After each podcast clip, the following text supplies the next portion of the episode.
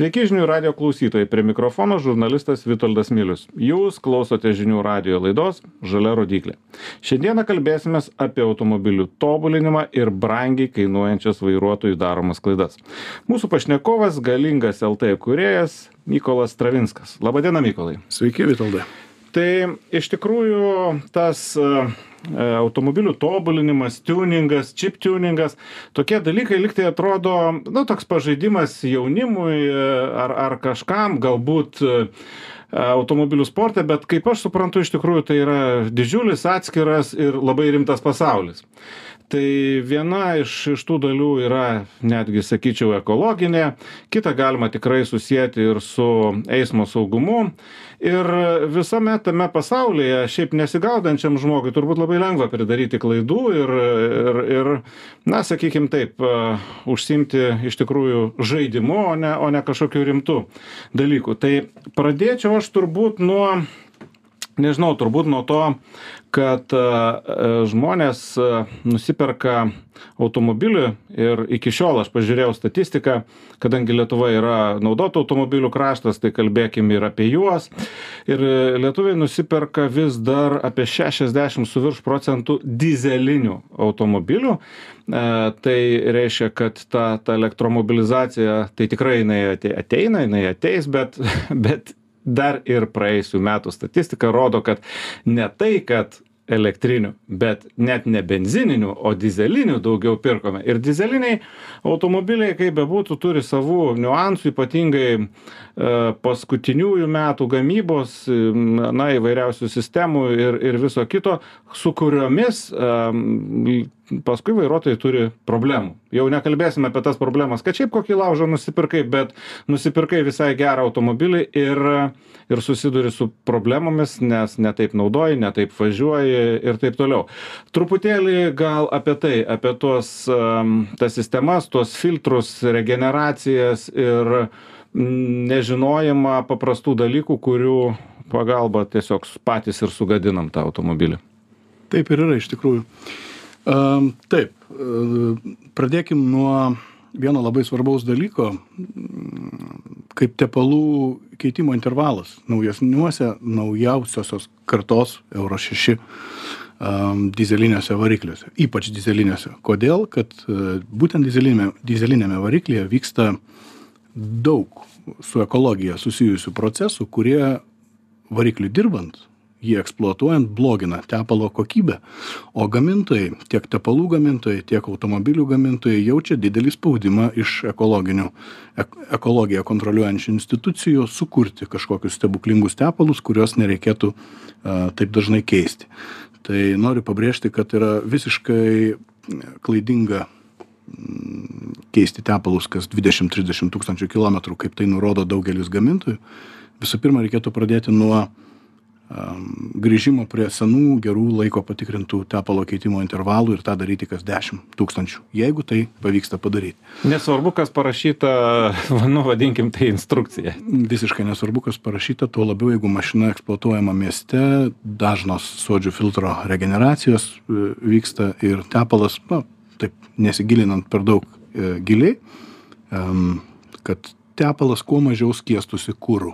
Čia yra pagrindinė šiuolaikinių dyzelių problema. Tai va. Ir keliaujant toliau, dėl uh, suodžių filtrų, DPF filtrų, kitaip uh, kalbant, eksploatacinių niuansų. Um, taip, daugelį džiugina ekonominė dizelinių variklių uh, eksploata eksploatavimo pusė, kad tai iš tikrųjų iki šiol šiai dienai tai yra ilgalaikiai perspektyvoje ekonomiškas uh, ir patikimas variklis, nereikalaujantis daug priežiūros, keiti tepalus ir važiuoji. Um, nuvažiuoji su baku daug kūro, viskas atrodo skamba gražiai. Problema kame? Problema prasideda, kai mašina neišvažiuoja iš miesto, o būtent mieste nesudaromos sąlygos jo valymuisi, taip vadinamai sodžių filtro regeneracijai. Jeigu mes nuperkam savo ar savo žmonai ar savo dukrai sūnui mašiną, kuris važinėja dešim kilometrų per dieną kas važiuoja į prekybos centrą kas į darbą pirmyn atgal mašina užvedama po dešimties minučių gesinama Niekas nesigilina, daugelis žmonių nesigilina į tai, kas tuo metu vyksta arba bando vykti ir ko mes neleidžiame. Jeigu per visą šitą laiką pavyktų, uh,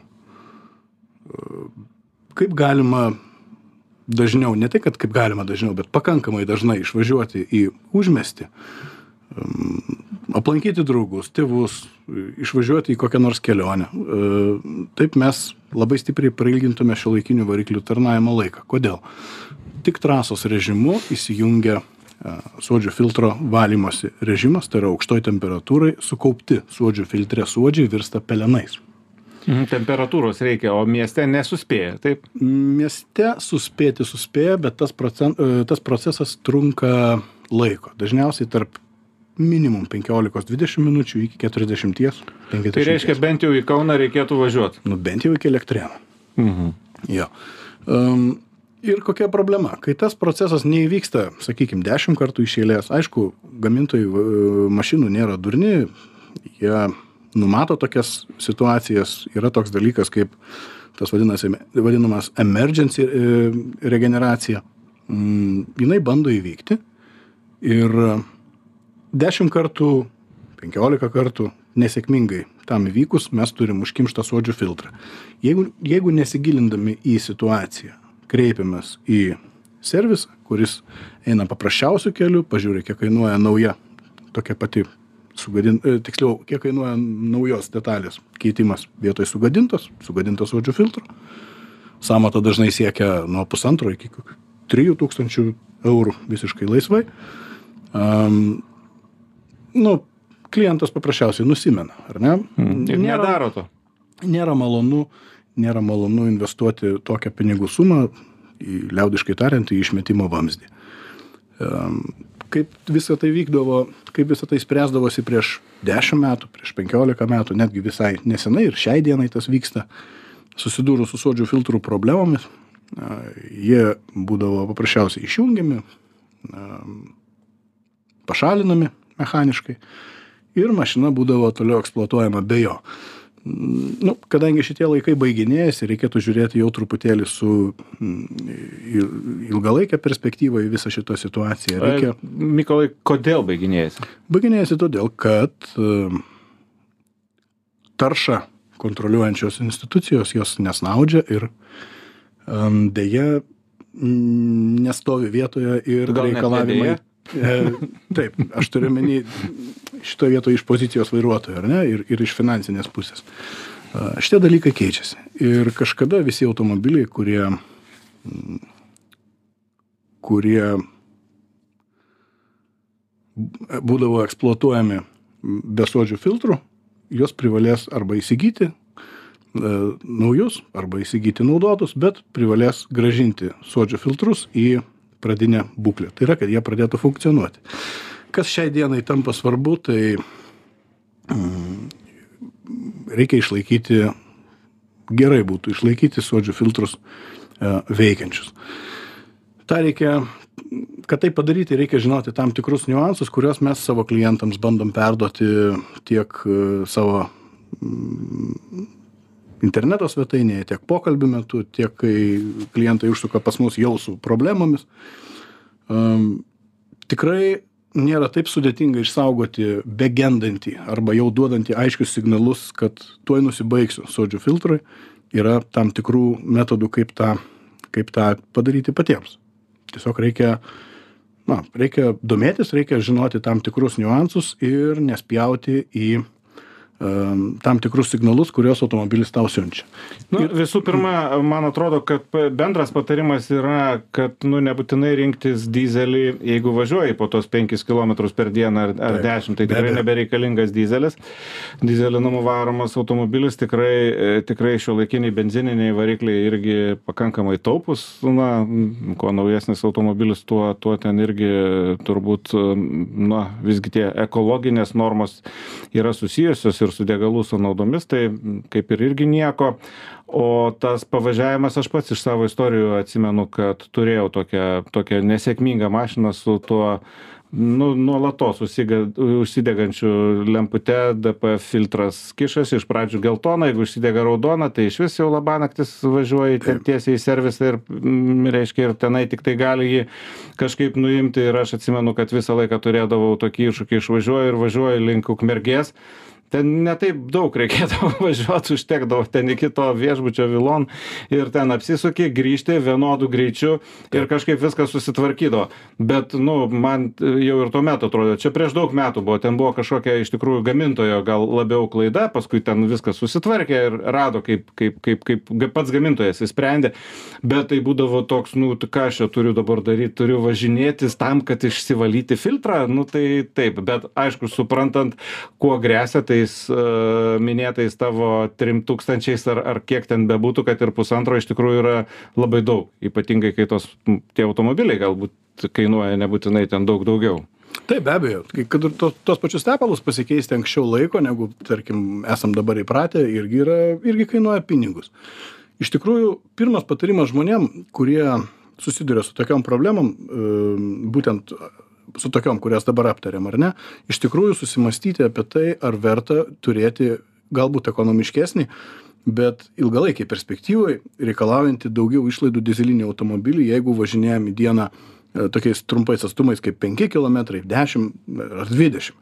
Iš tikrųjų, tokioj situacijoj logiška būtų turėti hybridinę jėgainę, turėti nu, mažas sąnaudas, galbūt pralošti ilgalai, il, ilgoj distancijai, važiuojant į kokią ilgesnę kelionę, bet e, važinėjant, sakykime, pagrindę mieste, tai būtų šiai dienai toksai, na, protingesnis, ganėtinai protingas sprendimas.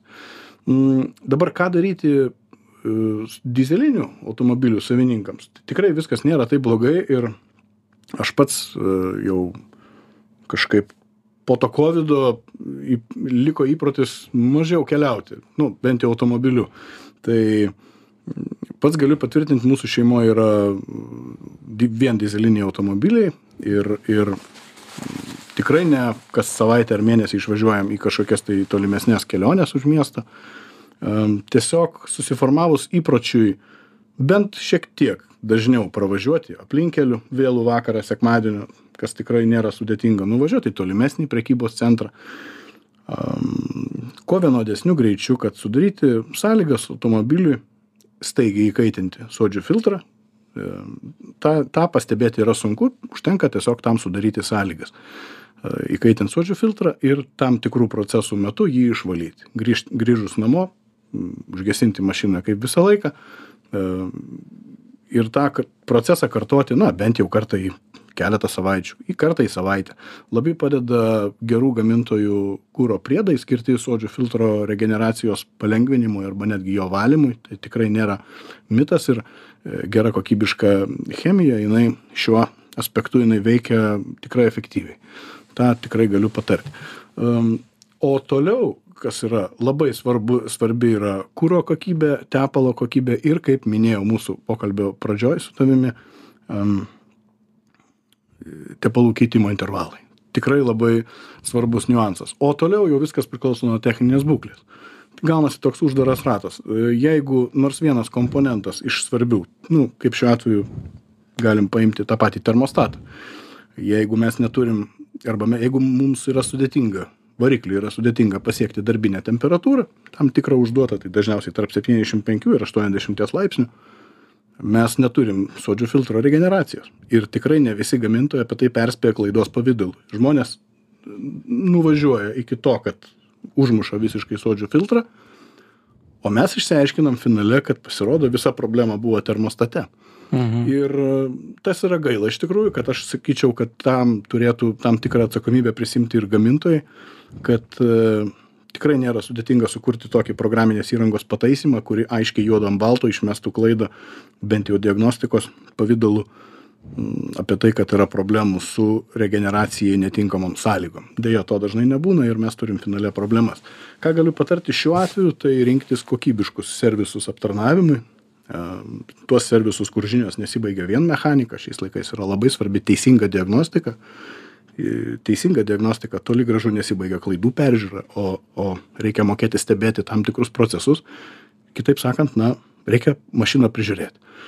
Ir jeigu nusiperki jau techniškai netvarkingą automobilį arba su didele rida, tada jau lieka tik tai, nežinau, turbūt melstis. Tada jau tikrai geriau pirkti benzininį arba hybridinį automobilį ir dėl to jau nebesukti galvos, nes kitais atvejais sprendimų nedaug. Brangiai kainuos. Taip. Jo, aš, aš tikrai galiu tik tai paantrinti, kad sakykim toks paprastas dalykas kaip termostatas e, mano pačiam vienam iš a, ne, ne kasdienių gal automobilių, tiesiog e, su kuriuo nevažiuoju kasdien, nusibaigus termostatui, aš pastebėjau turbūt, kad termostatas, nes nu, neįkaista, neįkaista tiek, kiek reikia, pastebėjau iš karto net ir tą paprastą dalyką, net ir degalų daugiau.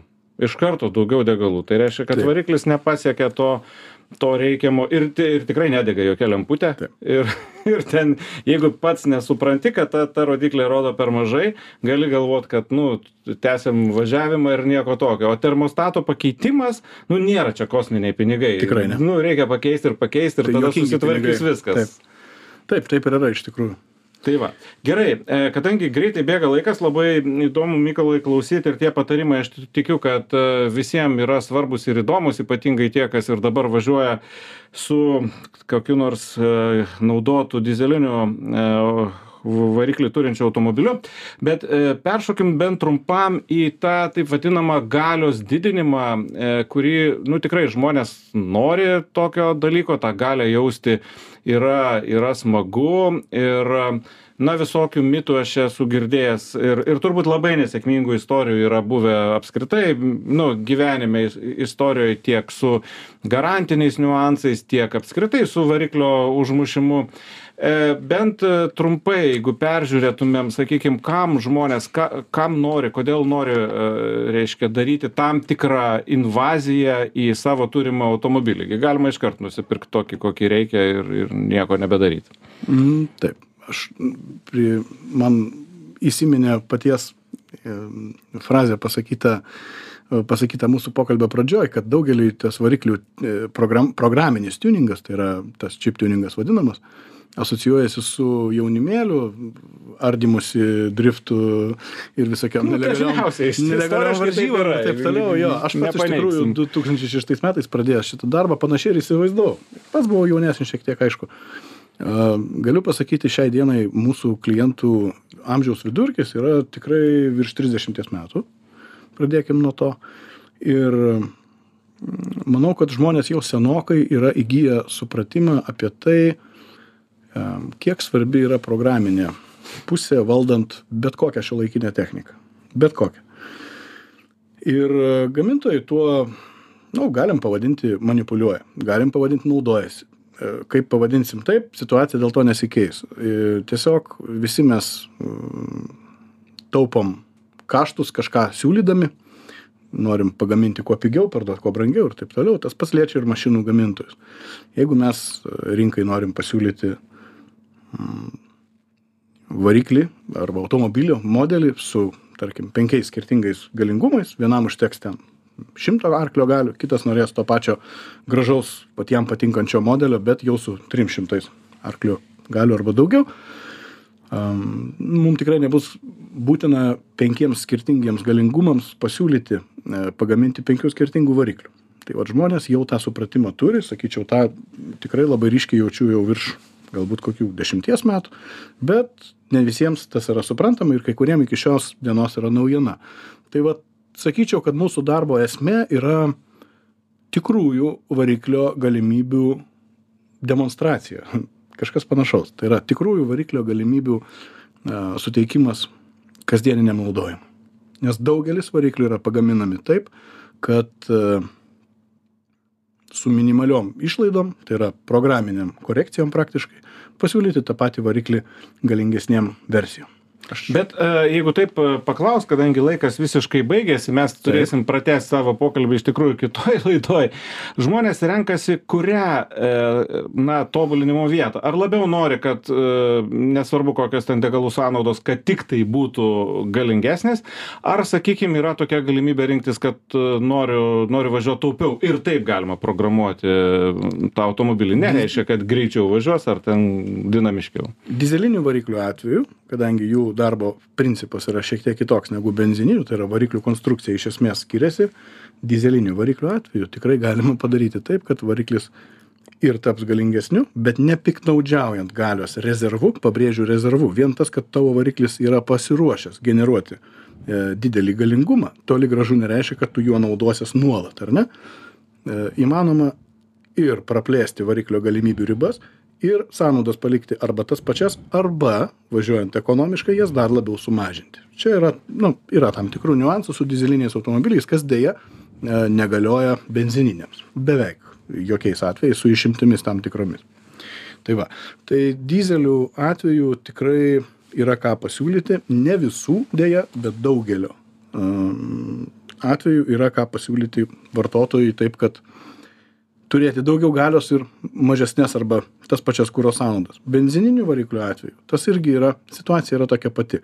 Gamin, e, varikliai yra deforsuojami programiškai tam, kad pasiūlyti, kaip sakiau, e, anksčiau e, mažesnę, sakykime, kažkokią tai galingumo versiją. Ir atrakinamas tas pats galios potencialas, parduodant brangesnį tokį patį modelį su tuo pačiu varikliu. Tai vat mūsų darbas apie kokių turbūt sakyčiau 70 procentų mūsų darbo apimties yra va tokių situacijų sprendimai, kai žmogus gali savo leisti įsigyti pigesnę, paprastesnę to pačio variklio e, e, modifikaciją ir ją priartinti prie savo poreikių, nerizikuojant tą variklį sugadinti, sulaužyti. Mhm tai gerai. Tai kadangi aš matau kad mūsų e, laidos laikas tikrai e, baiginėjasi ir tikrai mes e, patarėm labai daug dalykų, nes Lietuva vis, vis dar tebėra dizelinė šalis ir kaip nebūtų keista, turbūt dar vis labiau tampa dizelinė šalis, kai, kai mes kalbam apie visišką elektrifikavimą ir, ir uždraudimus vidaus degimo variklių. Tai Lietuvoje dar vis daugėja dizelinų varomų automobilių, nes mm, nes turbūt žodis apsimoka kurį paminėjai prieš tai kad visgi ir tos degalų sąnaudos ir viskas tas apsimokėjimas kasdienis labai labai aiškiai išreikštas gatvėse. Ir aišku tos klaidos kurias padaro ir tada kainuoja žmonėm mes tikrai tu labai sklandžiai paaiškinai ką reikėtų daryti. Ir galų gale tai ką mes matome važiuojant tos dūmais apsipilus apsipylusius automobilius su išpjaustytais tais dalykais kur kur tikrai e, linkėtumėm padaryt kažkam kas kas tuo užsiema tokią sistemą kad negalėtų būt nes mes vis tiek visi kvėpuojame tuo. Tai tai tikrai veda prie prie daugybės ligų žmonių mirčių ir tai niekam nemalonu nei matyti nei uostyti nei nei dar kažką. Tai tai aš taip labai tikiuosi kad viskas į tą pusę ir judės ir kad e, mūsų klausytojai išgirdę patarimus galės bent jau nulėkt iki į kažkiek tų aplinkkelių bent vakare.